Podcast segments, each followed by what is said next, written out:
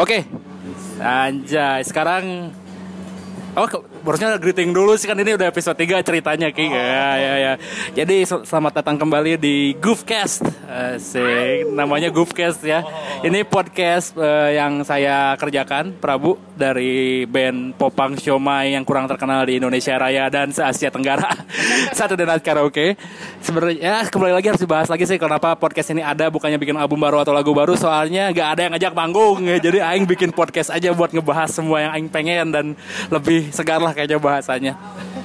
Oke di episode yang selalu- sebelumnya udah ngobrol sama Kuya dari depan Turas ah, Anjing susah banget ketemu sama Kuya Jadwalnya udah sibuk banget Mentang-mentang rockstar anjing Jadi susah banget ketemunya Nah sekarang di episode ketiga ini Orang bakal ketemu sama Salah satu temen juga sih yang udah apa ya bergerak bareng-bareng lah ya di skena industri naga suara ini. Sering banget manggung bareng, nongkrong bareng, curhat bareng sampai mewek ya kan. Ini udah banyak banget bahasanya sih. Mabok mabok. Jadi teman yang satu ini udah mengikuti perkembangan satu Night Karaoke dari lumayan lama lah dan akhirnya bisa berteman baik gitu ya. Gili anjing kayak podcast apa aja nih. Saya banget. Puji Tuhan. Langsung aja nih kita ketemu sama Ongki dari Hoki Hook. Madap. Uh, madap pra, madap. Kemarin kayak interview radio gitu dah. Huh, harus ada kayak gitu biar rame ya. Ah, biar rame aja. Tai banget. Lagi kerja ya, jadi aduh. Oh iya Ongki sekarang kerja di mana sih Ki? Ceritain dong sekalian promo. Eh, orang kerja di Tipsi Panda, jadi emang, emang passion orang ya, orang minum dibayar. Passionnya minum, orang lain passion mau kerja di agency, mau kerja di mana passionnya minum. Anjing keren sih emang punk rock mana Ki. Ini apa namanya? Tipsi Panda di mana sih lokasinya? Tipsi Panda Jalan Sumatera nomor 20. Jadi untuk teman-teman yang eh, kere terus pengen mabok kan nggak bisa ke Southbank, ya udah ke sini aja. Harganya murah-murah anjing. ada Amer di sini. Oh iya ada apa? Ada Amer. Amer ya. Ada semuanya. Tapi ada, diem-diem aja. ada ini enggak? Ada ciu enggak? Itu mah di luar aja.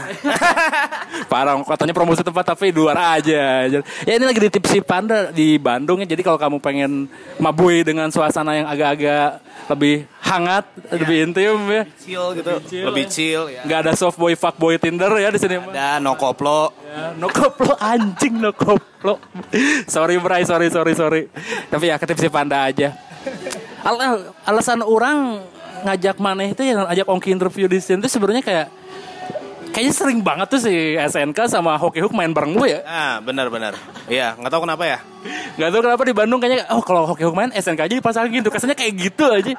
Kayak Jin dan Jun anjing selalu berdua. Emang sama-sama nggak terkenal, jadi diajak terus. Ngentut berdua. Gak terkenal apaan. Hoki Hook udah main di eh mana banyak main maksudnya banyak main gitu sudah masuk kompilasi Bandung Ska juga kan. Maksudnya mana itu udah cukup dikenal lah di scene Bandung di segmennya sendiri gitu ya. Mana jangan kufur nikmat lah anjing. Iya ya, puji Tuhan. Jadi gak boleh kayak gitu lah Ki. Tapi karena ini podcast yang digarap sama orang ya dan berhubungan sama band-bandan kita, orang bakal apa ya nanya-nanya hal-hal yang mungkin gak pernah mana apa temuin lah kayaknya meren oke nya dan aing bakal jujur-jujuran aja meskipun mana teman orang tapi adalah yang mengganggu di pikiran orang. Tai pisan sih. Ah, Dan dilarang mencela tentang eh, Apa ya Negativitas saya ya Tentang Saya suka ngutruk Dan suka mengeluh ya. Jangan jangan di sini mah ya. Nggak pernah kan kamu mah? Sering anjing. Sering banget anjing. Sering banget bahasa kayak gitu. Gini ya Ki. Kita ngomongin musik dulu deh biar oke ngomongin musik ya. Boleh, boleh, boleh, boleh, boleh. Ki mana itu sebenarnya jago main gitar teh Ki Mana bisa main gitar klasik men? Mana bisa main gitar sekelas Ingwi Malmsteen? Anjing. Enggak, enggak. Aing Ingwi tua banget yang ngomongnya Ingwi gitu dewa gitarnya ngentot anjing. Kok Ingwi sih? Siapa yang paling keren sekarang ya? Main gitar siapa sih? Aduh, siapa ya? Aing nggak terlalu tahu eh sekarang. Dan sekarang rata-rata band-bandan udah nggak main gitar pakai laptop ya. Iya. Kok, aduh gimana dong? Keceplosan ngomongin masalah gitu ya sorry sorry. Ya pokoknya banyak musisi yang jago lah kayak mana gitu. Mana bisa main gitar. Solo gitarnya oke juga di hoki hook. Tapi anjing kenapa sih mana main ska sama main punk gitu? Yang kesannya tuh anjing apa band punk nggak bisa main di We The Fest gitu. Nggak bisa main di acara gede gitu. Nggak apa sih mana main punk ki. Lebih ekspresif ya. Lebih seneng aja sih orang. tapi jawabannya klise sih kenapa lebih ekspresif? Pengen ngentot gitu kan atau gimana? Pengen dapet cewek banyak gitu? Eh, eh, itu nomor keberapa lah? Nomor satunya pengen punya uang. Dari punk rock dari punk rock nggak bisa sih kayaknya kecuali mana antek-antek low eh, sorry Ah, ya ya ya ya ya ya ya. kenapa tuh kenapa kenapa Jadi sebenarnya kenapa sih sekapang? Ya kan? Ini ini jujur ya, Prof ya. Ini jujur. harus dong jujur adalah ketuaman nggak sengaja awalnya nggak sengaja. Gimana gimana? Awalnya orang suka Rensidan gitu. Bawain Su- suka nasid dan kamu suka nasid. Kenapa jadi main pang? bawain Rensi. Rancid, rancid. iya dulu SMA bawain Rancid, Bad Religion, NoFX, Anti Flag, apalagi ya dulu ya. Ya yang kayak gitu-gitu loh Operation Operation Ivy gitu. Terus kayak sekarang ke sini ke sininya lebih bawain Rancidnya tuh lagu-lagu yang skanya malah Time Bomb, Iona Riot, terus Up to No Good dan sebagainya lah. Eh, tiba-tiba ada eh, si Ibeng nih sama Akbil dulu yang eh, eh aing beli saksofon nih. Orang ikutan lah sama band mana anjing kan aing Dia niat beli saxophone tuh gimana tuh? Iya niat beli saksofon dia belum bisa main sama sekali Anjing. dan iya kayak gitu terus kayak oh ya udah deh ayo kita belajar bareng ya udah belajar bareng ke sini ke sininya akhirnya ya akhirnya jadi band ska lah di situ kayak resmi aja gitu band ska ada alat tiup Tapi gue masih penasaran sih kan mana tadi ngomong kayak tiba-tiba menemukan pang secara nggak sengaja gitu ya. Mem- memangnya mana nggak punya fase emo dulu gitu metal dulu? oh jelas dong Oh mana ada fase itu sebenarnya? ada dong ada dong aku kan dashboard konvensional banget Anjing, Chris Karabakor banget ya. Itu buat nembak atau gimana tuh dengerin Chris Karaba? Teuing aja Jujur aja kenapa mana dengerin dashboard kenapa tuh? dengerin dashboard ya Kenapa?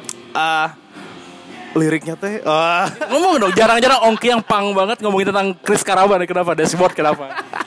Nggak, liriknya emang eh, sebenarnya orang bukan tipe cowok yang penggalau ya.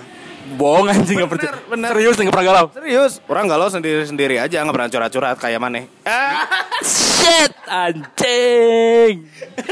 Cuman kayak dengerin dashboard tuh selain eh, musiknya enak, terus vokalnya eh, Chris Karaba dulu apa lagu-lagu yang dulu ya kayak Hands Down, Bell of the Boulevard dan lain-lain. Itu tuh kayak menantang aja sih kayak dulu tuh waktu zaman emo pengen punya suara tinggi itu salah satunya pengen kayak Chris Karaba suaranya. Gimana gitu. sih Chris Karaba tuh gimana sih? Hands down, it's the best thing gitu ya. itu itu banget itu banget terus dulu kan eh, sebelum sama Hokiuk tuh eh Aing punya proyekan duaan gini akustik judul nama bandnya New Year's End New Year's End. Ada jejaknya nggak sih di internet? di Reverb Nation masih ada Ente boleh dicek tuh. Oke oke zaman imo boleh dicek tuh. tapi itu pure saya bikin musik dan itu na- na- nama teman saya namanya Upai Masih ada nggak? Masih hidup orangnya? masih masih masih masih masih di Jakarta dia pindah ke Jakarta Eh, dia salah satu founder Hokiuk juga Ah dia main di Hoki Hook juga awalnya. Ya, iya, jadi dulu waktu Hoki Hook awal-awal itu kita punya dua lagu emang liriknya galau gara-gara dia yang bikin. Gitu. Oke oke. Asal nggak masuk akal sih Hoki Hook galau asal kurang percaya orang sebenarnya. Bukan galau sih lebih ke muji-muji cewek gitu. Serius Hoki Hook punya lagu cinta dulu. Ada. Itu yang John and Susan dan Little Sunshine itu. Jadi, jadi dulu Upa itu jadi gini lah, waktu di New Year's End dia lagi galau banget. Nah, lirik-liriknya ya galau. Pas masuk Hoki Hook dia lagi deket sama cewek. Dia bikin lirik yang muji-muji cewek itu di Hoki Hook. Tapi dengan maksudnya dengan analogi dan ya maksudnya majas-majas agak dipangrokin sebenarnya biar nggak terlalu cengeng atau gimana. Sedikitnya lah. Sedikitnya. Jadi intinya ada ya lagu galau di Hoki Hook sebenarnya. Eh, bukan galau ya? Enggak sih, enggak galau berarti ya. Cinta lah ya. Ya lagu cinta. Nah, soalnya Aing nggak bisa banget bikin lagu cinta. Tetap aja pang ujung-ujungnya ya. Tapi Ki ngomongin emo kan tadi mana ngomong udah ada fase emo nih mana ternyata itu kayak meruntuhkan image-image mana yang pang banget, yang easy going banget gitu ya. Orang-orang pasti nyangkanya kayak Ongki tuh punk rock banget sih gitu kerja di bar botak setelahnya kayak gitu di endorse Eastern Tit itu ya kan. Ini memunculkan pertanyaan baru buat orang. Kan mana udah di fase itu pernah punya rambut polem gak sih mana soalnya selama ini botak mulu anjing. Ini Aing pegang, mana yang pegang terus nggak apa-apa ini? Gak apa-apa kan Aing yang punya podcastnya bukan mana. Oh ya oke. Jadi kelas 6 SD sampai kelas 3 SMP itu Ada buktinya gak sih mana punya? di di Facebook ada nggak ya? Kayaknya ada deh. Ini mau lihat nggak? Tapi kayaknya ini orang-orang Nanti Aing tempel di ininya deh di link podcastnya. denger ketawaan kita aja di sini ya. Ini nih, ini upai kan. Nah, Wanci. ya kan? Iya iya iya. Tuh, Tapi ini, tapi nggak polem. ini foto lagi Ya di pause dulu sebentar. Kenapa? Kalau angka gaji sama dua Enggak. bir bintang Iya. Oke lanjut lagi tadi ada yang beli dulu bir ke Ongki tapi nggak jadi belinya terus pilih-pilih hanya mabok kok pilih-pilih. Nah, jadi ini ada fotonya berapa? Ini foto waktu lagi nonton dashboard nih. Di mana sih lupa Aing? di Senayan pokoknya itu Ro- acara acara rokok bukan sih? bukan acara pembersih muka Pons. Anjing sebut merek lagi ntar aing kena masalah deh. Tapi acara Pons ya dashboard. Acara Pons itu ada Cangcuter, ada RK dan emang artis gedenya eh, salah satunya dashboard konvensional. Dan ke sana itu dulu cuman bayar 15.000 ribu. Serius dashboard. Seriusan 15.000 ribu. Aing beli calo di sana. Beli di calo sana, naik ba- naik busway sama Cangcut Ranger, Cangcut Ranger gitu. Anjing. Anjing, bener loh. Jadi mereka apa ya? Ini dikit lah ya ngebahas. Kayaknya itu fenomena yang sangat eh, menarik ya menurut orang waktu Cangcut Ranger mulai meledak gitu ya. Edan itu rata-rata si celana-celananya emang hampir semua pakai sleting gitu karena saking merecatnya. gitu terus Aing nggak mau Upai kayak anjing anjing dan Upai itu tipe orang yang suka ngeledek ya. Iya. jadi suka kita suka ngomongin orang sama dia. nah, jadi terus eh, ya akhirnya kita nonton dashboard bayar 15.000 ribu kita nikmatin sekitar 17 lagu dari dashboard conventional. 15 ribu 17 lagu dashboard confessional. Ya, lagu terakhirnya hands down biasa dan terus ada kembang api gitu. Ah, seneng banget. Tapi nontonnya sama cowok. Ah. Jadi sebenarnya mana emang punya apa ya punya rasa tersendiri buat dashboard confessional ya. Iya, yang seneng banget lah. Aing deskripsi dulu tadi di foto tuh eh, Ongkit tuh punya rambut dan sangat Chris Karaba banget bayangin lah ada jambuannya dikit di keatasin tadi agak sedikit klimis juga anjing gitu tapi tapi gelangnya pangrok. oh, tetap ada studnya ya ada, ada leather studnya tetap Tapi ini ini udah kelas 3 SMP, jadi udah rada meninggalkan polem. Nah, sebelum 3 SMP itu polem. Dulu aing sering dicatok. Entoy, bohong anjing gak percaya Anggi. Aing sering dicatok, terus aing pakai kutek hitam. Terus beli beli beli kaosnya di di Parahyangan. Parayangan terus aing dulu suka banget sama band Aiden. Mantap, I set my friends on fire. Ya kayak gitu. Terus emang band-band band band orang dulu emang bawainya kayak gitu. Aiden, Funeral for a Friend, The Used, Vince. Ya, itu nomor Wave emo itu lah pokoknya mah. Terus mana transisi ke punk rock gimana tuh Ki? Jadi eh, lagi sama si Upa ini emang si Upa itu dari dulu emang pangrokan juga. Tapi emang kayak gimana ya? Dia setelan pangrok tapi dalamnya emo. Anjir kayak gitu. Dia dia penggemar Jimmy Eat World, Dashboard. Ah, terus eh, orang dulu pang-pangan juga awalnya sama Salah Kaprah dulu nama bandnya. Salah kaprah. Nama bandnya Salah Kaprah dulu. Waktu orang masih SMP kelas 3 terus di situlah orang mengenal punk rock. Orang tahu crowded acara punk ternyata nggak seseram yang orang pikirkan kayak gitu gitulah. Apa? Enggak, enggak lihat. Kayak gitu. Jadi kayak emang dulu aing kelas 6 SD pernah pernah orang ke dulu mah ada Piset Mall. Ah, mana tuh bisa Free Atlas bukan? Ah, kurang tahu pokoknya namanya Nudis Island yang orang inget Cukimai, Jeruji. Hmm, iya kayaknya Free Atlas deh kayaknya kayak salah. Terus orang ke sana sendiri loh.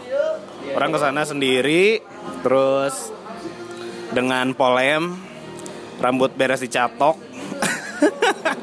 terus aing pertama kali ngerokok pokoknya oh itu masih kelas 5 SD berarti. Cik, kelas 5 SD mana nonton di Piset? Aing kelas berapa ya Ki? Eh, mana kan Ya umurnya udah jalan fuck ya ujung-ujung ke situ salah juga orang nanya itu sebenarnya salah juga. Oke jadi terbukti sekarang Ongki ternyata punya fase emo ya. Punya dong. Eh, tap- tapi Ki, gini aja, Aing mau ngomongin dulu nih. Orang sebenarnya jujur pribadi Ya orangnya kan dengerin emo ya, cuma nggak sampai kayak ada di fase di mana orang teh anjing emo everyday. Aing meskipun totos wae cinta orang, tapi orang nggak pernah kayak merasa emo tuh relatable buat orang sebenarnya. Toto Swaya cinta mana? Iya dulu kan. Oh, oh iya iya. Hampir sih sebelum nikah juga hampir sebenarnya. Tapi berkat Ongki dan Moyan aku terselamatkan. Nah, nanti kita obrolin itu nanti ya. Eh ngomongin emo jadi orang tuh nggak pernah punya fase itu Ki. Dan mana yang nyadar sih kayak hari ini tuh bukan hari ini setahun lalu 2018 tren emo tuh anjir rame lagi jadi kayak ya itu juga unsur nostalgianya, revivalnya kayak gitu. Nah menurut mana kayak kan mana punya fase emo tersendiri? Apa mana- menurut mana angkatan mana maksudnya musisi-musisi di angkat mana memang punya fase seperti itu semuanya gitu? Karena orang lihat sih masif banget pergerakannya anjir. Si emo ini tuh. Eh, maksudnya angkatan orang gimana maksudnya? ya kan dari generasi musisi yang muncul bareng sama hoki hook gitu yang sebelum menemukan punk atau memainkan metal mereka pasti punya fase itu kan. Ternyata terbukti mana juga yang main punk. Ada fase emo-nya. Mana yang menanggapi gelombang revival ini seperti apa sih mana suka atau enggak gimana gitu Eh, orang lebih kebiasa aja ya karena karena gini loh kayak ini kan emang momen eh, salah satu momen kesempatan untuk band-band emo ya Tapi yang munculnya itu itu lagi. Maksudnya maksud orang nggak ada yang fresh gitu yang baru. Mungkin kalau misalkan ada rilisan Epitap ya. Orang lagi dengerin Pianos Becomes the Tit gitu. Itu imo-imo imo-imo. Twinkle Twinkle. Iya, iya, imo-imo yang baru gitu kan. Terus kayak ya menurut orang itu fresh sih musiknya. Cuman kalau misalkan yang munculnya band-band lama lagi ya untuk apa gitu. Kayaknya buat nostalgia sih. Yang ngerasa kayak over glorifying gitu aja anjing. Nah, jadinya emang ya udah nostalgia aja. Gitu, kayak gitu sih. Jadi mana biasa aja terhadap pergerakan nostalgia emo ini tuh nggak ada ya aing nggak seneng aing nggak nggak suka nggak suka juga gitu Aing biasa aja karena selama emo turun pun orang masih dengerin dashboard konvensional kok. Boleh direkam bagian yang itu ya yang dengerin podcast ini dan disebarkan Ongki ternyata anak emo anjir. Ongki salah pergaulan selama ini ternyata. Anak-anak Bandung ska tolong dicoret nama Ongki. Karena dia ternyata traitor dia dengerin emo gitu. Anjir aing anak 2000-an banget ya. Lo dengerin emo anjir tong tong gawe jeung budak pang asik. Bener-bener. anti emo aing. Aing di dapla pernah di eh, lempar botol dulu gara-gara anjing nah anjir gara-gara pakai jaket low les lagi naik motor. Asli anjing emo anjing babi bangsa. Wah. dapatnya Dago Plaza ya tempat nongkrong anak pang dulu Ya tamplek, dapla gitu. Tamplek kelihat- kelihatan tuanya sih Taman Fleksi ya. Apa ya itu ya? Sike lah, Sike Taman Sari. Sike Taman Sari ya betul betul. betul. Oh, jadi mana pernah dilempar di sana gara-gara pakai lonet les? Nah, dulu, jadi dulu orang eh, ngerasain kayak jadi kan orang dengerin low les nih dan nggak tahu secara nggak disengaja ternyata kakak kakak orang tuh nikah sama drummernya Lonet Les oh, sama Ating. Iya, iya, iya. itu kan. Terus kayak orang anjing orang eh aing pede banget nih mainin emo. Anjing. Dulu gitu. Terus orang ngerasain kayak eh tau gak sih kayak kubu-kubuan antara speaker people sama stand alone crew. Oh, antara fanbase musik ya. fanbase fanbase musik punk rock dengan emo rock and roll dengan emo dan sebagainya lah. Kayak gitu. Dan mana di waktu itu memposisikan diri di mana sebenarnya? Orang di backstage aja sama Lonet Les Anjir, tai sih. Sombong ya, sekarang udah punya kakak ipar. Kakak ipar Ating Go dari Lonet Les. Halo Kak Ating, kalau dengerin. Nggak juga sih, gak dengerin juga dia. Tapi berarti pernah ada fase emo tuh ya, terus menemukan punk karena ya ternyata suka di situ ya. Ah, jadi jadi ceritanya pas orang jadi dulu orang pertama kali ah, disuruh dengerin lagunya apa ya? Bukan disuruh sih, orang lagi di komputernya si Upai itu, terus orang ada Bad Religion American Jesus. Gitu kan. Terus aing dengerin terus kayak cing. Enak ya tapi kayak serius banget ya ini band terus aing eh, ngegali lagi ada Sexy Soul, Raymond segala macem Oh jadi Bad Religion tuh portal mana ke dengerin punk? Yap. Salah satunya Bad Religion yang American Jesus. Terus uh, ke sini ke sininya dengerin Exploited dan segala macam karena salah kaprah itu kan lebih ke thrash punk ya. Bawainnya jadi emang bawainnya yang kayak gitu-gitu, Exploited yang gitu-gitulah. Kayaknya mana yang menyalurkan itu tuh di band yang satu lagi Bangshot ya asalnya. Mana main di Bangshot sempet kan? Iya iya. Ya Bandshot itu emang eh, salah satu salah satunya orang sama basis kamu dulu foundernya. Andres Sanugraha, Iya. pemain gitar Battle Beats. Ah, Di SNK-nya udah bosan kayaknya dia. tapi tiba-tiba Andres hilang dan Bangshot eh, dulu nggak jalan tapi akhirnya Hanas masuk. Hanas, Hanas masuk dan kita jalan gitu. Tapi sekarang lagi mendem lagi nih. ya oke nya kebanyakan kerja dan mabuy kayaknya tiap hari. Cingki ngomongin ska jadi penasaran sih. Mana udah lumayan lama ya main ska di Bandung. Tapi yang orang lihat sih kayak aduh maaf maaf aja ya kayak nasibnya sama cega cega nasibnya sama kayak apa ya pergerakan popang atau punk rock di Bandung. Jadi kayak istilahnya kalau bahasa sana tuh kakurung batok aja. Jadi entah itu karena nggak mau bergaul sama yang muda atau terlalu mengglorifikasi masa lalu jadinya kan. Nah, tapi yang orang lihat sih hoki hook nasibnya sama kayak SNK sekarang tuh. Tuh Beberapa tahun ke belakang tuh kita main di gig yang genrenya campur, penontonnya agak harum lah sebagian. Udah merambah ke panggung-panggung yang berbeda juga gitu ya. Mana ngerasa nggak sih kayak ada sesuatu yang salah sama scene ska sama pang hari ini? Terutama yang didominasi sama yang lebih tua. Sorry ini bukan maksudnya apa ya me- mendiskreditkan ya. Tapi yang terlihat di lapangan memang seperti itu, ya kan? Ada yang salah nggak sih menurut Pane? Eh, jadi gini, waktu itu orang tercerahkan oleh Teh Boyd. Hai Teh Boyd. Jadi itu aduh buat apa sih dari Omnium? Omnium. Ya, yang yang punya amonium, penggagas ini apa? Limunas. Ayah ya nggak aing pengen main di Limunas nggak boleh. Di- Orang nge-tweet kan ke akunnya Limunas di Twitter. Aku pengen main di Limunas tapi siapalah saya ini. Terus dia dibalas kayak ya kita juga siapalah apa, siapalah kita ini. Ya kalian tuh yang bikin Limunas anjing yang bikin acara pretensius dan keren gitu. Kita tuh pengen main gitu. Ya oh sorry sorry maaf Teh Boyd aku cuma curhat. Teh Boyd gimana? Ya jadi waktu itu ada eh, sesi eh, kayak interview gitu di 99ers. Oh, yang musik ego gitu ya? Ah, eh, bukan bukan, bukan musik ego. Ini kayak komunitas-komunitas ada papa cerewet, ada kolektif, Hmm, segala ya? macam. Ya, kita ngobrol-ngobrol gitu, kayak ada. Eh, emang kita ngobrolin salah satunya itu kayak eh, generasi Saparwa dan generasi kita gitu. Hubungannya kayak gimana, ya kan? Terus dan segala macam. Dan ternyata emang o- orang pun sebagai apa ya? Yang orang orang kenal gitu ya sama generasi-generasi itu juga kayak ya contoh terdekatnya sama Badik. Ya kan? Adik Sever Ofield. Ya, Abadik Balkoni dulu, ex Balkoni ya, Conviction. Nah, eh, sama Abadik, Andre Jeruji, terus eh, Babak Homicide juga, Augeng juga ya kita. Auga, The Silent. ah, Nudi Island, Augeng Nudi- dan apalagi Karendi Sendal Jepit. Jadi emang sebenarnya kalau misalkan apa ya? eh nggak ada masalah sih menurut orang kalau misalkan orang pribadi ya secara pribadi ya cuman mungkin ada beberapa yang ngelihatnya kayak eh, si generasi kita tuh kayak segen atau atau mungkin generasi yang dulu itu eh, kurang aware nggak aware sama ngelihat pergerakan padahal kan generasi kita kan ada pergerakannya Kelihatan pisan malah. Ah, kelihatan pisan. Cuman kan kayak Teboyd pernah nyerita ada siapa gitu nanya, ini berudak Bandung kemarana euy cenah. Terus Teboyd dengan mudahnya emang jawab ada kok. Emang eh, eh, kayak gitu dan ternyata salah satu faktor yang membuat apa ya eh, generasi dulu nggak ngelihat pergerakan generasi kita adalah nggak adanya storytelling tentang pergerakan di angkatan kita ini. Contohnya mungkin dengan dokumenter atau mungkin dengan podcast-podcast kayak gini juga mungkin di- jadi salah satu cara atau kompilasi yang benar-benar multi genre gitu. Ya yang kayak gitu kayak gitulah. Tapi aing nangkepnya Ki dari omongan itu gitu dan orang juga udah memantau beberapa maksudnya diskusi lahnya atau enggak pembahasan mengenai scene lama dan scene sekarang di Bandung gitu. Tapi memang ada yang namanya gap di mana yang tua tuh nggak tahu Ya. dan yang muda tuh merasa tidak diayomi sebenarnya. Aing belak-belakan aja ngomong ya. Ya, ya. Soalnya memang kelihatan sekarang acara-acara di satu dekade inilah ya emang dikelolanya sama udah yang baru sih kesannya gitu. Dan be- orang-orang yang lama tuh kalau mengelola acara ya ngajakinnya pasti teman-temannya dia gitu. Oke lah gitu mereka kayak pernah ngomong kayak kita ajakin nih band ini yang muda gitu katakanlah biar bisa terekspos gitu. Tapi ujung-ujungnya band yang muda diangkat itu band yang di angkatan kita udah terlalu overexpose. Ma- ngerti maksud orang? Iya. Nah itu sih. Jadi sebenarnya Aing belum nemu sih titik temunya kayak kenapa bisa terjadi hal itu atau memang terlalu ignoran yang tua gitu. Tapi dari statement yang mana dengerin dari Teh Boyd itu saat orang melihat Limunas ya terutama kemarin gitu. Aing nggak mau shit talking tapi memang line up-nya agak hampura agak sedikit membosankan. Jadi band yang diangkat ya ujung-ujungnya teman-teman mereka juga gitu.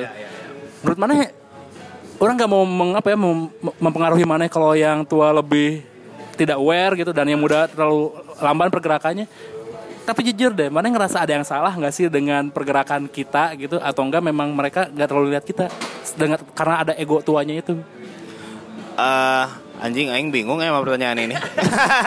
akhirnya jelasinnya emang ribet juga sih. Cuma itu yang kejadian sih kayak gitu. Soalnya gini, eh, orang pernah memikirkan itu ya, kayak ini ada apa? Kayak terus kayak ketika eh, misalkan orang banyak gaul sama generasi-generasi yang dulu kayak mungkin generasi orangnya ah kan mana kan suarau sekian karena itulah banyak sebenarnya bukan omongan-omongan gak enak cuman kayak yang eh, naon sih dah mereka santai gitu. Maksud orang gitu toh ketika Seokyuk dekat eh, apa eh, dipegang sama Abadik dulu kan pernah ya jadi manajernya Seokyuk si Abadik toh kita eh, banyak dibawa gitu sama si Abadik acara apa pun gitu jadi meet the right person lah ya harusnya Nah, kayak gitulah. Contohnya kayak gitu. Terus kayak kalau sekarang-sekarang orang lebih nggak nggak mikirin ke situ sih. Yang penting mah orang jalan sama band orang aja lah. Dan senang-senang intinya itu aja. Jadi sebenarnya eh, orang kalau nggak aware sama si skena terutama yang orang jalanin ska ya. Dibilang nggak aware juga ya sebenarnya enggak, tapi dibilang aware juga ya enggak gitu.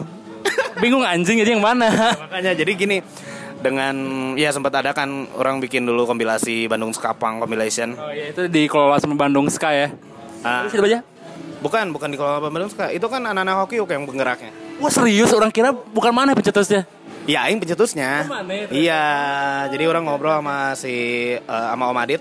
Om Adit salah satu owner Isen, Isen Wolf ya.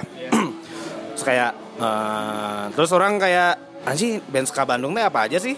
Ada apa aja sih skapangnya? Nah dulu orang emang nyarinya skapangnya apa aja. Ternyata ada eh, akhirnya orang berhasil ngajak King Kong Beer, Nine Bullet, Dirty Dolls, Young Coconut, Hito Ichimi itu generasi saparwanya terus kalau generasi barunya ada Hockey Hook Mike, Tijok. ya Mike Tijok, Saritme sama sekarang Ska. Kayak gitu. Tapi yang menjadi kekecewaan orang adalah salah satunya ya. Eh, dari generasi yang baru aja ya si Skapang yang ada di album itu.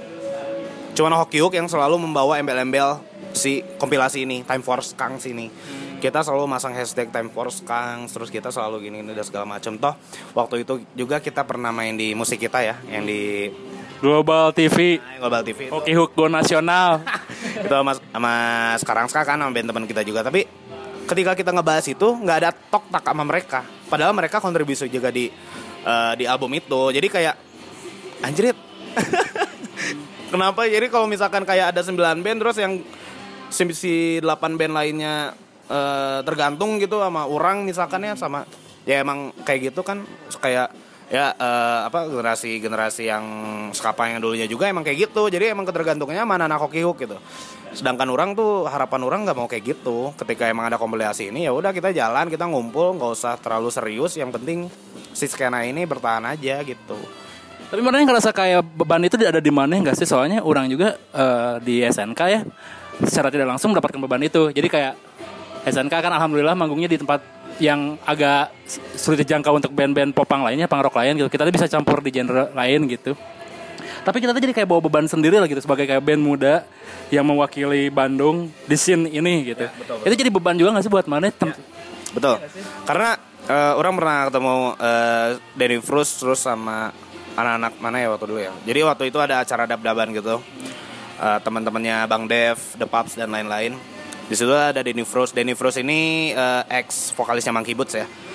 Jadi dia ketemu terus dia udah sedikit mabuk. Tipsy. Yoi, udah sedikit tipsy terus kayak Aing juga lagi mabok gitu. Terus dia mana nih Bandung dia ngomong kayak gitu terus dia dia ngomong kayak gitu Ska Bandung mana nih katanya dan karena waktu itu tuh fenomenanya eh, eh apa kondisinya tuh ketika beres kompilasi Skapang itu band-band lainnya udah aja.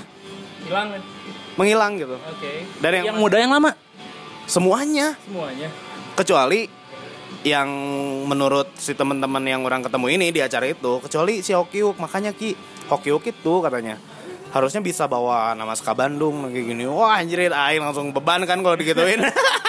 Fuck anjing.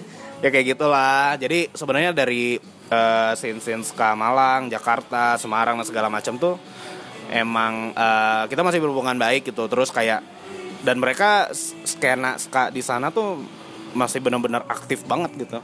Makanya Iya kayak- sih.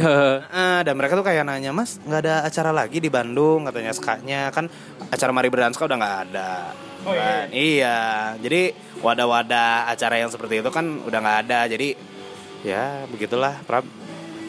Jadinya orang rasa sih apa ya anggapan orang-orang tentang Bandung tuh jadi agak turun sih kreditnya iya enggak sih? Saat saat dulu eh, saat dulu zaman gelombang melodic punk lah My One Day gitu semua orang pasti ngacunya kayak Bandung gitu kan ya Bandung tuh punya band ini ini ini Saparua punya ini ini ini. Ya itu cukup menyebalkan sih orang ngomongin masa lalu ya soalnya mau nggak mau memang kita harus mengacu kepada masa lalu saat ngomongin Bandung yang keren banget tuh ya.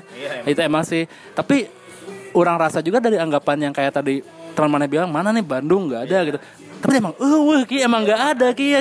orang agak jengkelnya juga kayak aing gerak sendiri nih gitu. Dan orang orang tahu gitu banyak band yang satu genre dengan orang gitu. Ya popang entah itu easy core atau gimana gitu. M- mungkin mana juga di ska banyak gitu, sebenarnya band-band ska yang lain gitu. Tapi jadinya kayak nggak dapet panggung loh gitu. Orang tuh kayak berusaha pengen tuh kayak dulu tuh bikin gig orang sama teman-teman Resolve ya punya Ugeng sama ah, siapa itu Andri dari Snow Jepit kan. Orang makanya ngajakin kayak band-band Banana terus ada band popang baru namanya Mitaun Carousel orang pengen ngasih panggung buat mereka gitu. Tapi ternyata memang tidak diapresiasi. Menurut orang sih entah mungkin karena mereka belum punya nama dulu ya Banana sekarang udah oke sih. Cuma beberapa band yang main di situ nggak nggak dapat exposure lebih lagi gitu kalau sama orang nggak diangkat gitu. Nah di ska sendiri gitu apakah mana punya effort juga nggak sih yang kayak orang sempat lakuin dan ternyata meskipun nihil ayo cobain aja gitu biar ngangkat yang lain nih? Iya, ya orang pun dulu kayak ketika si kompilasi itu maksudnya jadi setelah pra dan pasca kompilasi itu tuh kita kayak yang deket banget gitu pra semua band ini dan band-band yang lebih muda lagi di bawah generasi orang gitu ya sampai pada eh, ah kumpulnya di mana ya anak-anak ini kayak gitu Gathering. Eh, jadi gitu. Oh, ke sini aja. Dulu Papa Piopi sempat buka Papa Piopi dari Dirty Doll sempat buka tempat makan gitu di Jalan Subawa. Ah, jadi kita ngumpulnya di situ. Dulu emang eh, apa eh, menurut orang ya itu menyenangkan lah. Kayak gitu. Terus kayak eh, tadi teh pertanyaannya apa sih? Aing lupa. Ya mana kayak melakukan effort lagi kan saya sekarang gitu. Kalau sekarang kalau sekarang lebih eh, nggak kayak dulu sih. Jadinya nggak peduli ya. Bukan nggak ah gimana ya? Prap dulu Jujur aja nggak apa-apa. Eh, akhirnya jadi orang ya bodo amat gitu. Iya kan? Iya, karena eh, dulu ketika pra, apa pasca kompilasi itu tuh kayak kan anak-anak kayak papa cerewet dan segala macam. Orang selalu ini bawa dong band sekapang nih. Ini bawa dong ada band sekapang nih, ada band sekapang. Tapi akhirnya makin ke sini ngilang satu-satu. Kayak gitu pas orang ngajakin, eh nggak bisa, eh ini nggak bisa, eh ini nggak bisa, eh kayak gitu. Jadi memang ada keterbatasannya juga dan meskipun udah ada effortnya juga ya kita ya. Iya kayak gitu. Tapi ya suatu saat mungkin bakal ini lagi sih. Nggak tahu bakal apa. Ka- Kalau kalau orang mah punya pandangan gini Ki, kemarin kan sempat ada acara tribute to No Use for Name yang akustik Ya. eh, di Bandung ya. Itu yang ngelolanya teh Obo Ya. dari Arabian Peanuts, dari Ukeba Squad dan dari Senajupit dan band-band lainnya ya. Nah, dia teh kayak punya tujuan dulu eh, waktu ngomongin acara itu teh orang pengen kayak dalam tanda kutip mengedukasi milenial tentang scene Bandung yang lama dan juga tentang musik ini gitu kan. Tapi orang rasa itu udah nggak relevan sekarang tuh. Iya nggak sih? Jadi kayak apa yang kita lakukan dulu mungkin sama sekarang udah nggak masuk akal buat orang-orang anak-anak sekarang atau orang-orang sekarang tuh. Cuma yang bisa kita lakuin tuh kayaknya mah anjing memang harus terus melaju anjing. Iya nggak sih? Iya, terus aja, go aja terus gitu. Tapi di satu sisi memang harus ada dorongan sih menurut orang. Dari yang tua sokol tua tuh harus ada dorongan. Soalnya mau nggak mau mereka tuh suaranya lebih didengar daripada kita.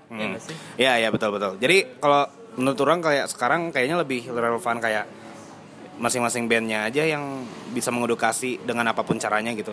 Jadi nggak eh, mungkin kalau misalkan kayak mana kan yang tadi mana ngomongin kayak membuat suatu acara tribut untuk mengedukasi Cenah kata Obo. Ah, yang kayak gitu kan, kayak gitu. Ah, ah, justru kalau misalkan kayak orang sekarang kayak lebih ngelihat lebih lebih mengharapkannya si band-bandnya aja sih yang bisa mengedukasi ke si penonton yang ya masa yang datang nonton dia gitu. Ya apa pun lah. memang harus ada yang kayak gitu ya terutama untuk band yang exposure-nya gede oge sih. Udah mau nggak mau apa ya kalau kita ngomongin band-band lain yang teman-teman kita juga banyak yang bagus kok gitu maksudnya kan. Banyak yang kurang terekspos dan mungkin kalau diekspos juga bakal lebih berwarna kali ya Bandung ya. Ah, Iya betul betul. cuma ya mungkin itu masih jauh nggak jauh juga sih. Kalau semuanya bisa bersatu anjing unite hardcore pride ya. Kids are united. Sam 69 banget lah pokoknya. Tapi yang penting mana di scene skama jalan-jalan aja lah pokoknya. Ya ya, aing aing sempat ini sih, aing sempat menyerah. Hampir menyerah. anjing menyerah nggak mau main musik lagi gitu Bukan nggak mau main ska lagi. anjir gimana ceritanya nah nah nggak mau ki Eh, sebenarnya bukan gara-gara nggak mau main skanya lagi sih, tapi eh, Aing kan suka sublime banget ya Prab ya. Jadi kayaknya kalau ninggalin ska reggae gitu kayaknya hese sih gitunya. Pasti kalau misalkan orang bikin band selain Hoki Hook juga, orang bakal gitu-gitu lagi gitu. Cuman kayak kemarin mah anjing ini mah personalnya. harus atuh biar unik. Ya lebih ke internal sih band orangnya aja sih. Kayak anjing aing capek euy. Anjing aing ini euy. Kayak gitulah. Jadi gitu. Tapi akhirnya ya Lebar oke sih. Jadi ya udah. Tapi karena mana suka ska dan suka ceket jadi main ska terus akhirnya. Yoi. Jadi ngomongin ceket. Mana kok bisa sih ngeceket-ceket kayak ska gitu? Aja orang meskipun bisa main gitar juga kayaknya nggak lancar gitu main gitu An mana punya tips tersendiri nggak sih? Belajar ceket biar cepet tuh kayak band-band ska zaman dulu yang nggak reggae banget tapi yang anjing kayak Operation Ivy gitu rancid cepet. Gimana sih mana bisa belajar teknik ceket? Jadi Aing jangan ngomong gara-gara coli aja Enggak Eh, Salah satunya ya. Oh. Anjir kacau Fred. Balik balik balik bener bener. Jadi kalau eh, Aing dari dulu sampai sekarang juga masih suka latihan gitar sendiri gitu di kamar. Oh, punya sesi gitar sendiri di kamar. Emang orang eh, lebih ke nang, apa ya? Lebih ke nyari feel ketika orang abstrak. Ya itu abstrak kayak kalau ska ya. Oh, mana anak pang tapi tahu nama teknik gitar borok dong mana jadinya. Iya barok borok ya. Mending main. Eh kayak gitu terus orang kayak suka ngelihat eh, ngelihat dan ngedengar band-band kayak oh sih ya mah eh, nyeket nate kayak lebih panjang sedikit notnya terus kayak ada yang pelit banget cet cet ada yang gitu bang. Wah, mana paham banget ya soal ceket-ceketan ternyata keren banget warna itu terus gimana gimana? soalnya kan beda-beda kayak kerasa Operation Ivy dengerin Operation Ivy Voodoo, Voodoo Glow Skulls eh, Specials sama generasi Jamaika yang dulu ya Eric Montimori segala macam itu ya beda aja gitu ternyata oh. Tapi ya yang yang yang orang eh, aplikasikan ke si Hoki Hook yang pelit yang pelit banget cet, cet. Sedikit tapi rujit. Nah, kadang si chordnya rada dipencet, kadang enggak itu teh. Oh iya. Aja gitu. eh, yang penting kayak gitu dan ada reverb udah aman. Oh, mana pakai reverb. Iya harus. Pantesan kedengarannya megah ya suara gitarnya ya. Terus kalau ngomongin band-band Indo nih, iya tip X deh itu ceketnya udah oke nggak menurut mana? Tip X. Nah, orang nggak suka ceketnya Tipex. Kenapa kenapa? Eh, Indonesia banget. Apa aja ceket Indonesia banget kayak gimana sih? cet cet cet cet cet nah gitu tah. Bukan cet cet cet cet. Aing belum kebayang gimana sih gimana? Gimana ya? Aing beda. Atau mana memang personal gak suka tip X sebenarnya? Eh, lagunya Aing suka sih. Oh oke oke. Iya, lagunya Aing suka. Nggak tahu orang suka aneh kayak gara-gara mereka major doang gitu banyak orang yang nggak suka. Bener bener music is music ya. Iya. Jadi ya balik lagi ada ada lagu yang orang suka, ada lagu yang orang nggak suka gitu. Cuman eh, untuk eh, apa konteks si ceket-ceketnya orang nggak suka gitu karena eh, karena menurut orang itu eh, kurang aja gitu maksudnya. Aduh gimana ya ngejelasinnya ya? Gimana ya Prof yang ngejelasinnya ya? Ya terserah itu mana yang personal dan orang pengen tahu kenapa mana nggak suka sama ceketan tip X. Padahal menurut orang sih enak-enak aja menurut orang mah. Gini ya perbandingannya ya. Eh ngedengerin tip X sama ngedengerin eh oh tip X Noin Bullet juga sama orang nggak suka ceketannya. Noin bullet. Ya sama ceketannya. Karena rata-rata dulu kayak gitu sih. Jadi lebih ke aduh gimana ya orang ngejelasinnya harus ada gitar, eh biar kedengeran. Gitar bibir aja gue suaranya. Eh, cet cet cet. Jadi jadi jadi panjang gitu, Prap. Bukan cet cet cet cet ngerti nggak? gitu gitu. Cet cet cet cet cet. Jadi pa- rada panjang gitu. Eh telepon angkat dulu. Oke oke. Siapa ini?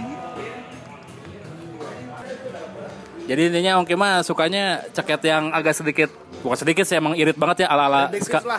Real Big Fish ya. Boleh lah ya segitu ya. Tapi mana ya kalau dibilang aing rasa sih kerasa sih di musik mana Ki maksudnya di antara band ska Indo ya mengesampingkan pangnya ya maksudnya konteks ska pang gitu.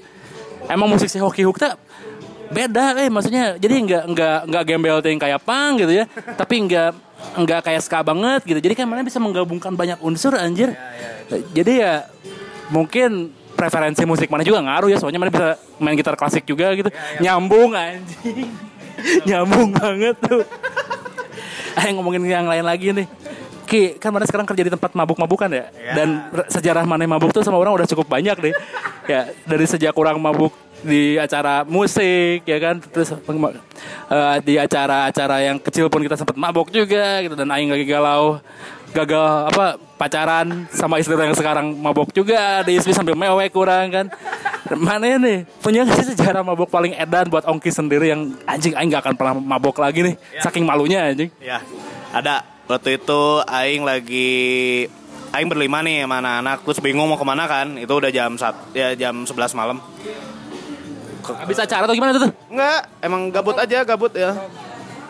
Halfway yuk katanya. Halfway, ayo halfway. Beli minum peletokan ya dulu tuh. Nice. Peletokan gitu dua pi- eh tiga pitcher terus sama minum apa lagi gitu. Itu cuma berlima dan kita minumnya karena gelasnya habis kita minumnya pakai sedotan.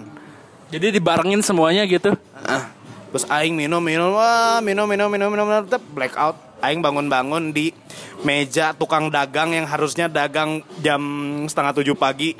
Dia jadi dagang jam 8 di sebelah halfway anjing. Serius? Serius. Jadi itu ceritanya anak-anak anak-anak anak-anak tuh nungguin aing. Jadi anak-anak kira tuh aing eh, jadi emang pas di halfway tuh tiba-tiba ada cewek gitu kan nyapa terus ngobrol ya ngobrol-ngobrol. Ini ya. dikirain aing ngewe dulu iya kayak gitu makanya mereka nungguin soalnya motor aing ada di halfway Oh, jadi ternyata mana? ah, ternyata di halfway itu bisa ngewe dulu ya sambil nunggu mabok bisa ya ternyata. bukan nggak tahu aing bisa atau enggaknya mah tapi kan emang aing nggak kayak gitu Oh ya Ongki enggak, enggak bersih banget Ongki enggak pernah ya. bersih aku ya, bersih lah ya oke skip ya oke jadi eh, nah kayak gitu terus anak-anak tuh sampai nungguin jam setengah enam pagi eh jam 5 pagi di sana Prab, di halfway kayak anjing si Ongki nggak datang datang ini mah balik kayaknya nembeng katanya. Yaudah pada balik.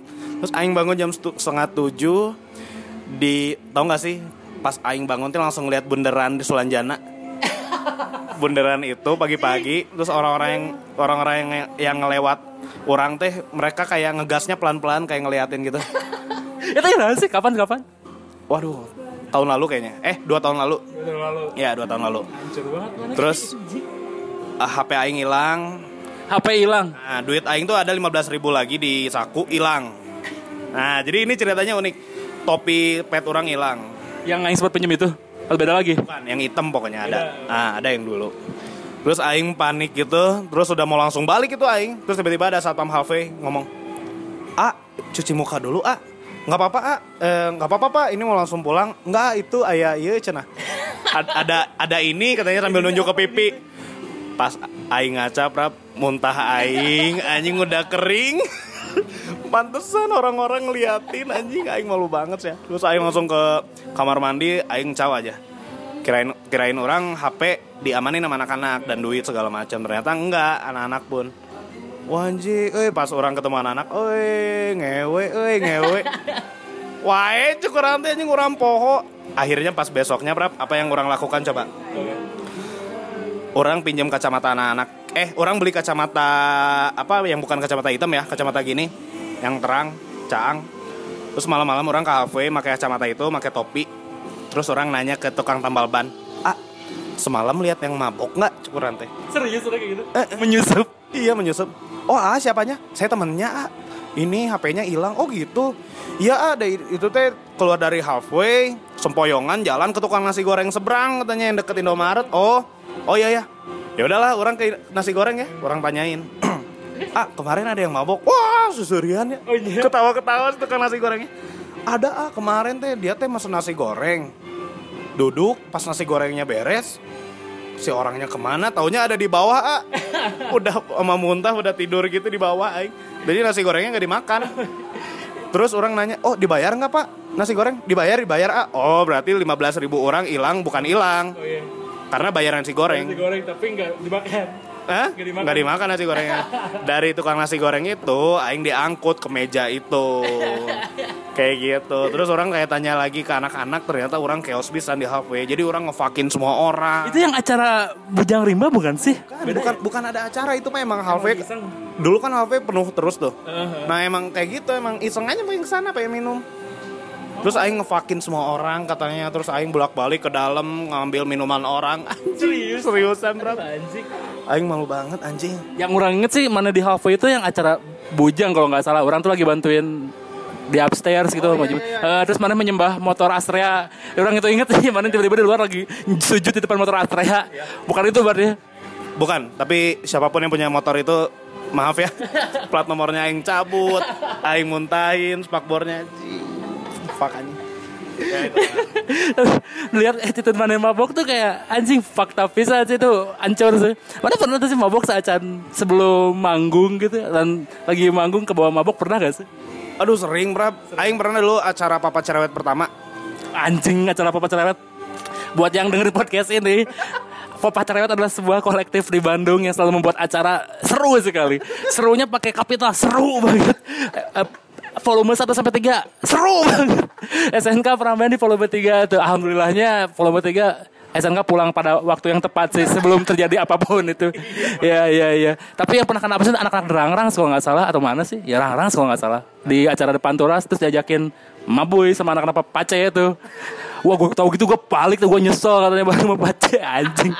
Saking serunya banget tuh Pace. I love you guys pokoknya anak-anak Pace we love you pokoknya. Gimana Pace volume pertama? Volume pertama pokoknya itu dari jam kita acara mulai jam 8 ya. Itu jam 5 anak-anak udah beli arak banyak. Kita udah minum gitu. Subuh aja. Anjing jam 5 sore itu udah udah pada minum terus Aing main dua kali sama Bangshot sama sama Bangshot main? Bangshot main juga. Eh, sama si Hokiuk pas yang Hokiuk ini pokoknya Aing itu Aing lagi bawa mobil lagi Prab terus Aing Bawa Sarah gak sih? bawa bawa Sarah bawa Sarah juga itu dan itu lagi PDKT sama Sarah Aing malu banget anjing goblok lah pokoknya pulang dari situ Aing bikin nangis si Sarah lagi ah Nangisnya kenapa tuh? Gak ada hubungannya sama mabok tapi kan? Aing nggak tahu karena Aing lupa. Nah, terus baliknya gimana? Kan mana bawa mobil? Mana yang nyetir nyetir siapa? tahu nggak sih Aing bangun-bangun di rumah terus ngelihat semua anjing kok Aing udah di rumah? Aing lupa Aing lupa semuanya Prab. Sih mana sampai skip kayak gitu? Hancur banget berarti anjing. hancur banget Aing anak-anak hokiuk. Anjing ulah mabok deh hangke mah mana mah poho cenah. Gitar Aing fals banget. Oh iya. chord salah semua. Dan orang sampai nanya eh semalam bawain lagu apa aja sih Fuck anjing ongki. Hmm, itu salah satu apa momen di mana orang nggak mau lagi mabok bawa kendaraan tapi tetap Oke. aja ke sini ke sininya bawa kendaraan dulu kan mio orang hancur depannya gara-gara mabok Oh iya. dia nabrak angkot lagi parkir Terbaik, terbaik, terbaik. anjing serem sih ay Aing nggak mau lagi ya Tapi di antara anak-anak yang lainnya maksudnya di, di ya di produk kita lah gitu, di scene kita ada yang lebih chaos daripada mana gak sih maboknya? komeng asar Terbaik. Ya suka pipis di mana aja pokoknya. Dulu waktu main di acaranya si Raisa di Sobremesa dulu namanya. Nama acaranya Bir Gembira. Eh Bir, bir Dansa namanya. Bir Dansa. Terus kita hokiuk main kan. Terus si Eki itu bawa kahun karena waktu itu orang punya proyekan keroncong orkes minggu sore kan. Oke. Main juga di situ. Si Eki bawa kahun, kahunnya masih di luar, eh, si softcase-nya ada di deket panggung gitu. Terus pas si Hokiuk lagi main tiba-tiba ngeliat si Komeng ke ujung buka softcase kahun dia kencing di situ. Komen kalau kamu dengar kamu terbaik, memang keren banget aja. ya kayak gitulah. Jadi eh, dan itu hari sebelumnya tuh aing mabok sama Kidut juga dan aing skip juga. Itu mabok di sobremesa lagi. Tahu nggak Bro? Aing balik ngefak fakin gangster, ngefak ngefak fakin polisi anjing. Mana emang pang banget deh semuanya dipakai sama mana aja. Hancur anjing, orang selalu menyesal eh beres mabok teh. Kayaknya semua orang kayak gitu deh. Orang juga kayaknya menyesal kalau setelah mabok melakukan hal bodoh gitu. Tapi alhamdulillahnya orang setelah mabok gak pernah ngewe. Itu pokoknya itu menurut Aing takaran yang paling hancur seseorang setelah mabok menurut Aing itu. Soalnya mana apa ya bukan hanya merusak diri mana sendiri tapi juga mana melakukan sesuatu yang tidak tahu imbasnya seperti apa ke orang lain. ya. Jadi saya sarankan jangan deh kalau saya pribadi nyaranin kayak gitu. tapi Ongki pernah nggak ngewe habis mabok pernah nggak Pernah. sama orang lain? Ah, nggak bisa disebut lah.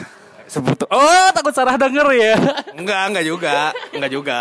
Enggak, enggak jauh itu mah jauh sebelum Sarah itu mah. Tapi pernah Pernah. Oh, berarti mana itu tipe-tipe um, fuckboy dong sebenarnya. Enggak juga aing teh orang yang paling nggak bisa nyekil cewek sih ya. Wah, bohong banget anjing. Pas Cewek mana cakep banget Ki. Orangnya agak heran kenapa Sarah mau sama mana Ki. Aing juga heran anjing. Padahal cara ngedeketin orang teh cakur banget lah anjing pokoknya biasa aja gitu.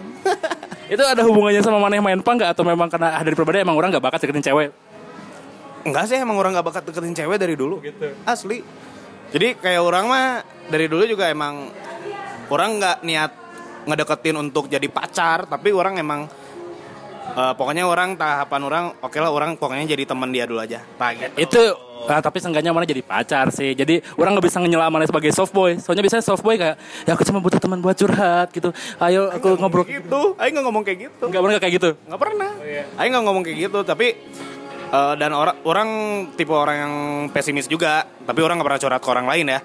Iya kayak aing ngerti Ki. Iya iya iya iya. Orang tipe orang yang pesimis, kayak tapi kayaknya orang-orang yang suka nggak deket apa ketika PDKT-an salah satunya pasti ada yang pesimis sih kayak orang mau sama dia ya contohnya orang mau sama dia tapi dia mau nggak ya main kayak gitu ah Kayaknya itu wajar semua orang kayak gitu. Apa bedanya mana sama mana aja? iya wajar kan cuman tapi orang sepesimis apa pun orang selalu selalu apa ya ya itu Iya iya gak apa-apa. Gak apa-apa apa menghujat orang sok kritik aja keluarin aja. Enggak, enggak, enggak. Enggak apa-apa, Prap. Kamu kan udahlah. udah apa? Udah apa? Untung udah nikah sih ya. Untung udah nikah gak totos kayak di ISB lah ya. Eh sedikit intermezzo sih. Ini oke banyak nyepet masalah percintaan dan pesimis karena ya sifat saya seperti itu ya Ki. Terus ada satu momen di mana saya deketin Ata sebelum nikah eh, ada kasus kayak gitu tuh. Jadi orang galau pisan, hancur banget. Main acara apa sih? Di acara apa? ya? Yang di bawah batu pokoknya ya. Oh, ini nih Vandani Studio Show. studio show yang dibikin sama anak-anak Unpar kalau nggak salah ya. Beres dari situ, terus ya orang datang ke ISB diajak mabok sama Ongki dan Moyan dikawal nggak boleh kabur duluan. dan di situ orang kayak momen di mana Ata nggak balas eh, apa WhatsApp orang terus nih dia pasti lagi sama cowok lagi jalan lain nih gitu gimana gitu kan. Aduh orang jadi gak tenang nih anxious gitu gitu. Dan Ongki jadi saksi hidup di mana orang lagi jijik-jijiknya dalam urusan percintaan. Jadi itulah maksudnya Ongki kalau kenapa nyepet soal cinta-cintaan ya sebenarnya. Oke skip aing buka aib jadinya. Nggak boleh kayak gitu. Udah ini udah kepanjangan kayaknya orang-orang bakal bosan juga dengerin kita ngomong jorok dan lain-lain anjing. oke, oke. Oke. Aing di podcast ini sebenarnya ya tadi orang bahas di awal sih orang nggak mau ngebahas terlalu serius sih tentang apa ya musik atau kayak gitu. Tapi orang butuh input nih dari mana sebagai pemain musik yang kurang terkenal bandnya dipandang sebelah mata terus kayak aduh apaan sih bawain popang tahun segini nggak musim kali gitu bawainnya boy Pablo gitu kan ya. Kalau nggak bawainnya apa noise hardcore gitu. Mana punya kritik gak buat Saturday Night Karaoke biar bisa tetap eksis dan keren di masa depan Ya, Prabunya aja nggak usah jangan pesimis terus. ngentot Iya, emang itu itu salah satu loh. Tapi kok Aing gak pesimis, Aing gak bisa nulis lagu, Ki. Untuk untuk di karya nggak apa-apa, tapi nggak usah dibawa ke panggung, maksud orang gitu. Oh, gitu. Karena gini loh, eh, waktu orang main di acara pro- pro- profesional gig ball, ya, itu eh, itu acaranya Launching launching albumnya Sadan Karaoke ya. ya launching itu kan. Dan di situ emang orang nggak, eh, orang sebelumnya nggak pernah nanya-nanya ke anak-anak. Emang sih Prabu suka pesimis ya. Orang nggak pernah nanya kayak gitu. Cuman emang penilaian orang pribadi kan. Ketika orang ngomong untuk Prabu jangan terus selalu pesimis. Mika sama Miko dari Daranglang langsung wah tuh Prab dengerin tuh lu. Ya kan? Ya kan? Iya, iya, iya. Kayak gitu dan ternyata basis Mane sendiri pun seperti itu nilainya. Oh, Andresa ngomong apa tentang orang? Aing gak tahu. ya salah satunya itu ya si teteh sok gitu cina ya dia dia tuh suka kayak gitu jadi eh, ah tapi ya orang mah bodo amat lah cina ya gitu cuman kayaknya lebih lebih apa? Eh, kalau orang ngeliat si Andresa kayak pengen Mane yang lebih menyenangkan aja gitu nggak usah selalu Mane suka nampar pipi sendiri gitu kan Aing itu refleks dari zaman kecil ke bawah, sorry sorry. Ya is- istri Aing juga sempat komplain masalah itu sebenarnya. makanya semua itu tuh di kalangan Mane pasti komplain sih waktu itu Mika sempat mampir ke TV si Panda kita juga iya iya Kia Prabowo tuh suka kayak gitu eh, kritikan salah satu untuk karya mah orang eh, gini loh kalau untuk karya ya ngebandinginnya ya kalau dulu di antara Nudis Island, Closehead, uh, Baskin Bagel segala macam, Aing suka banget musiknya Nudis Island. Oke oke. Mana setuju nggak? Setuju banget. Oke, nah di angkatan sekarang ngelihat popang po- yang menurut orang orang nggak tahu nih popang popang sekarang tuh seperti apa ya gitu. Tapi kalau ngedengerin sekilas-sekilas kayak band-band lainnya dan SNK, emang orang suka banget sama karyanya SNK. Karena ada nilai lebih menurut orang di situ. Kayak gitu antara komposisi musiknya, akordnya, eh iya komposisi musik. Pesimisnya. Enggak itu itu fuck aja. itu nggak boleh dibawa lagi. Tapi Aing kalau nggak pesimis kayak gitu, kayaknya beberapa lagu tidak akan tercipta, Ki. Iya untuk ke karya nggak apa-apa, tapi nggak usah dibawa ke panggung itu aja. itu justru si the true nature of me aja aing berdamai dengan diri sendiri itu tuh anjing Tapi tapi kalau misalkan emang mana kayak gitu ya nggak apa-apa sih sebenarnya. Kan mana minta dikritik ya udah. Gak apa-apa itu kritik ya kan Iya. kayak gitu. Coba mana contoh si Taruk deh, si Taruk Lebam kan dia pede banget. Wah, itu Oke, oke, oke. terang. Kayak dia bikin rilisan terbaik 2019 2019 versi Taruk adalah album saya atas sorangan. itu apa yang kayak rang rang lakukan deh kayaknya anjir kayak gitu juga ya Iya, yang kayak gitu-gitu. Kayaknya nggak nggak akan terlihat sombong tapi kayak ngelihat fun aja gitu. Terlihatnya band-band yang kayak gitu teh fun menurut orang. Aing ngerasa juga kayaknya sama yang Aing ngerasain ya perbedaan band eh, musik di orang di Saturday Night Karaoke sama band-band yang lainnya gitu. Kayaknya orang memang menganggap serius masalah komposisi dan lirik kayaknya. Dan mesti ke bawah juga kan, jadi ke bawah juga tuh. Tapi Aing lain, defensif, lain defensif. Tapi mungkin emang ke bawah ke situ aja sih. Tapi itu kritik yang Aing selalu terima dari banyak orang. Berarti emang banyak orang apa ya melihat hal yang sama dengan maneh juga gitu kan. Ya, which is not a problem gitu buat Aing sebenarnya. Tapi oke deh mulai besok aku mau optimis. Aku besok nggak akan lagi nampar nampar nampar udah ngurangin sekarang. Udah nampar nampar udah ngurangin sekarang. Ya soalnya udah punya istri pasti dimarahin pas nyampe rumah kalau gitu gitu. Apa apaan sih kamu manggung kayak gitu? Aku gak suka. Oh oke nggak akan lagi berarti. Senjatanya di situ sebenarnya. Oke. Terus eh, lagu favorit aing di album Professional Goofball. Yang Vaporwave 101 itu. Nah, itu lagu tentang JKT48 Ki. Kenapa? Mana suka Ki? Aing suka musiknya, Pram. Suka musiknya ya? I still not get a girl. Itu pengalaman pribadi aja. Orang nulis itu saat orang merunut kembali masa-masa di mana orang masih di Wota. Gimana? Jadi orang ma- masih orang jadi Wota. Jadi saat itu orang masih jadi Wota suka sama AKB48, JKT48 gitu. dan aing menjadi tidak menjadi diri sendiri gitu. Kayak anjir aing bakal fokus ke hal ini dan fuck everything else gitu. Jadinya menyebalkan banget dan akhirnya pas orang di saat sekarang, di saat waktu nulis lagu itu dan merunut masa itu kayak anjing ini gara-gara JKT48 sih aing jadi kayak gini. Padahal mah enggak juga gara-gara aingnya aja goblok sebenarnya sih. gitu sebenarnya. Mantap mantap mantap. Tapi emang mana untuk eh, kultur Jepang emang mana ini banget ya? Apa emang tertarik banget ya? nggak tahu ya aing kenapa ya tapi dari dulu emang suka di Jepangan sih orang gitu bokepnya juga oke banget sih Jepang dibanding sama bokep yang lain sih Sensor euy. Sensor. ya carinya dari produksi yang lain So, oke ini kepotong lagi tadi jadi bakal diedit sedikit karena Ongki lagi kerja terus orang ganggu. Aing mau bilang makasih aja sih Ongki udah mau diajak ngobrol di sela-sela kesibukannya menjadi full time punk rocker dan full time bartender ngentoy. Dan semua bahasan di sini harusnya apa ya jadi relax saja dan semua yang dengerin jangan terlalu diambil hati lah karena ini pengalaman pribadi kita ya. Terutama kayak ngomongin tadi sin tuh ya emang kenyataannya kayak gitu anjing mau gimana lagi ya anjing. Menurut pandangan kita. Jadi nggak masalah lah. Dan jangan lupa anjing dengerin Hoki Hook di berbagai macam platform dan channel tuh. Mana kapan sih album nggak rilis? Eh EP ya nggak rilis rilis anjing? Ini lagi produksi. Eh, Ini tuh lagi naik produksi sebenarnya, Prap. Udah dari dua eh, seminggu yang lalu. Udah naik tuh. Nah, jadi eh, ini rekornya dari dari Malang, namanya Fukyo Records. Jadi siapa yang pegang? Apanya? Ya fuck your records, eh fuck your records. Fukyo Records yang megangnya itu ada Mas Indro, dia gitarisnya Begunda Lowokwaru. Wejeng, mantap mantap mantap terus. Nah, jadi emang si record label itu emang sering ngerilisin band-band skapang. Tapi ada band-band lainnya, contohnya No Man's Land juga pernah sama dia. No Man's Land ya. Tapi terus eh, jadi dulu waktu mau rilis udah beres rekaman, aing bingung karena di Bandung aing bingung mau ke siapa. Terus akhirnya orang- Mana yang nggak nyobain ini gitu ke mana ya ke Lawless Records? aduh enggak eh kayaknya. Apa kenapa? Nggak tahu orang Kan permabukan banget kayak mana? enggak eh. Aduh, Segan banget orang eh. Segan jangan jauh-jauh lawless lah. Grimlock aja segan. Hajir, kenapa segan pada musik mana itu bisa masuk situ menurut Aing tapi udahlah yang penting udah dapat label sekarang tinggal rilis ya pokoknya. Kapan kira-kira anjir?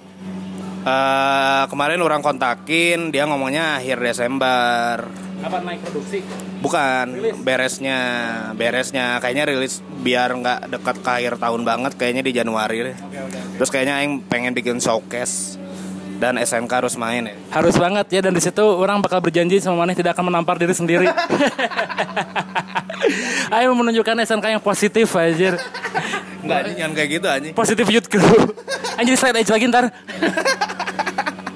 Pokoknya bakal positif. Kapan tuh kira-kira berarti Januari rilisnya? Ah, paling showcase-nya gak akan lama dari situ loh ya, ditunggu aja paling ya. ya terus eh, ini juga Aing kan mau tour nih sama si Taruk Oh iya, anjir, ini rilisnya masih lama juga sih tapi nggak apa-apa lah.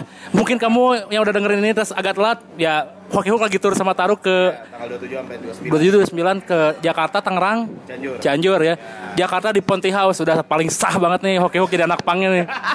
goblok Oke, nah ya kayaknya udah saja ya, udah kepanjangan nih. Nuhun pisan buat Ongki, ya, I love you so much dan semoga skena Bandung lebih baik lahnya ke depannya karena kita butuh tempat bermain lebih banyak dan lebih masif sih kayaknya ya ke depannya. Semoga yang tua-tua juga dengerin ini dan yang muda-muda tetap main aja setelah dengerin podcast ini meskipun kita dihujat habis-habisan. nama podcast mana apa sih Goofcast. Goof. Cast. Oh, Goofcast dari Goofballs. Dari goblok, uff gitu. Ya enggak ada yang goof cast ya gitu lah. ya itulah pokoknya nyari nama susah anjing. Seadanya aja. Oke di episode 3 ini udah selesai. Dan buat kamu yang udah dengerin episode ini jangan lupa buat subscribe anjing atau enggak ya sebarin aja ke teman-teman kamu biar tahu ada podcast ini dan orang bisa dapat uang buat cicilan rumah ya bisa dimonetasi.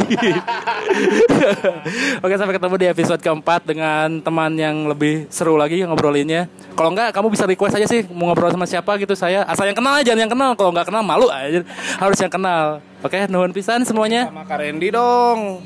Karena Nesla jepit ya. Yoi. Ntar orang starstruck kayak gemper deg-degan. Dia legend soalnya. Iya ya.